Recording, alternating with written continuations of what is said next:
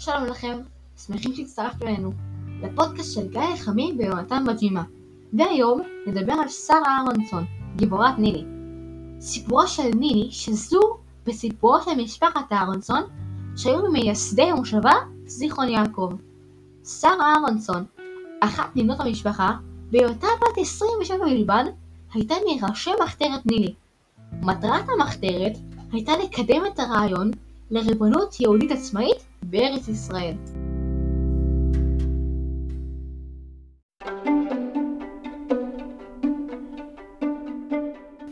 התקופה שבה התרחש הסיפור היא תקופת מלחמת העולם הראשונה.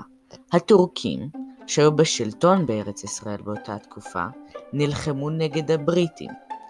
אותה תקופה הייתה מזעזעת בשביל היהודים שחיו בארץ ישראל, מפני שהטורקים רצו לגרשם מן הארץ, מה שגרם להקמה של אגודת נילי, שזה אומר נצח ישראל לא ישקר, שזו האגודה המפורסמת ביותר שפעלה נגד הצבא הטורקי ונתנה מידע צבאי לבריטים, בתקווה שמצבם של היהודים שחיו בארץ ישראל באותו הזמן יהיה יותר טוב תחת שלטון בריטי מאשר שלטון טורקי.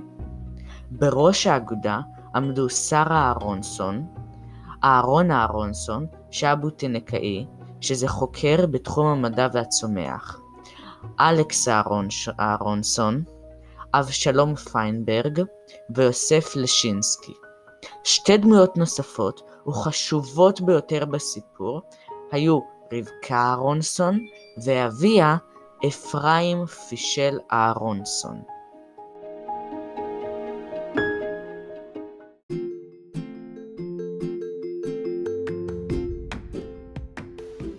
שרה וחברי נילי עזרו לבריטים ולתושבי היישוב להילחם בטורקים בדרכים רבות. אך בסופו של דבר, שרה, משפחתה וחברים נוספים מהארגון נתפסו על ידי הטורקים. הם עברו עיניים נוראיים על מנת שיספרו את המידע הצבאי שנתנו לבריטים. במשך ארבעה ימים עינויים קשים עברה שרה, אך בכולם היא עמדה בגבורה, היא לא סיפרה דבר ואף זעקת לב לא השמיעה. זעקת לב זאת אומרת היא לא ביקשה רחמים ולא עזרה. מדי פעם הייתה שרה זוקפת את ראשה ועוררת את מעניה. עוררת את מעניה זאת אומרת מטיחה מילים קשות כלפי אלו שעינו אותה.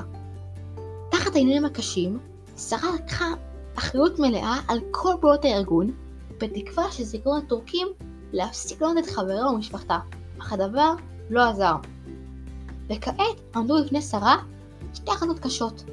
ההחלטה הראשונה, לתת לטורקים את המידע שהם רוצים, כדי שיחדלו לענות את משפחתה וחבריה.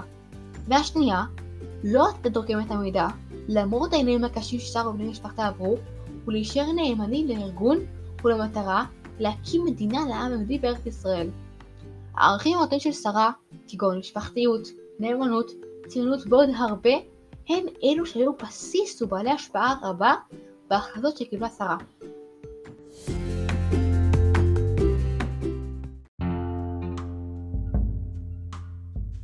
בסיפור שרה גיבורת נילי. שרה היא הדמות המרכזית, ומאפיינות אותה תכונות רבות.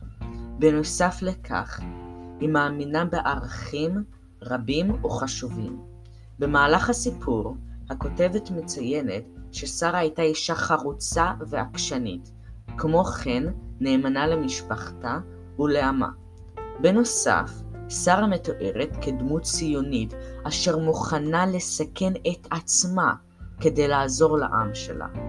תכונות וערכים אלו הם אלה שלקחו חלק בהחלטה הסופית של שרה לא להיכנע לעינויים הקשים שעברה ולדבוק בחזון של הקמת מדינה יהודית בארץ ישראל, תוך שמירת סודות הארגון והמידע שאספו ומסרו לבריטים.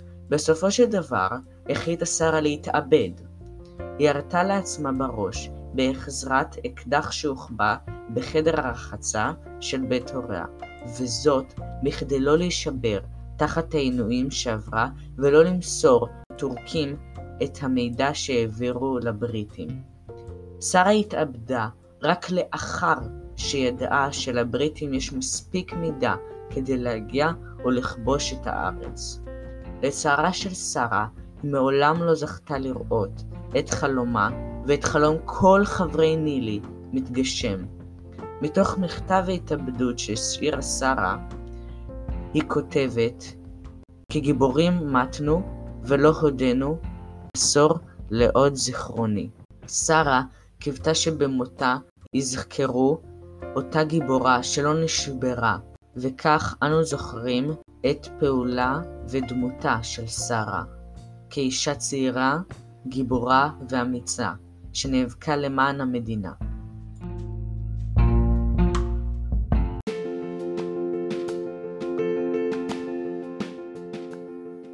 מהעקרונות והערכים הרבים המאפיינים את שרה אהרונסון, אנו מוצאים את אלה הרלוונטיים לחיינו, והם משפחתיות ומנהיגות. משפחתיות היא ערך חשוב שבו כל משפחה עולה על עצמה עוגן, ביטחון, חום ודאגה אחד כלפי השני, בחברות משותפות, בגלל שאנחנו מתמודדים ביחד ברגעי משבר ומתרגשים ביחד ברגעי שמחה. אנחנו מגשרים לפערים בין דוריים ועוד.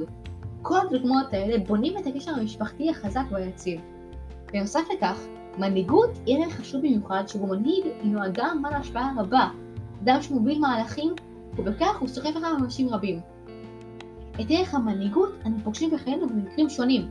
למשל, בכנסת פוגשים מנהיגים שהם נבחרי הציבור, והם מובילים את דעת הציבור שבחר בהם.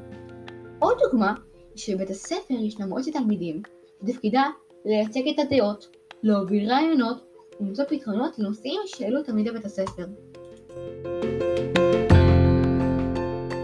תודה על ההקשבה, נתראה בפודקאסט הבא. ביי!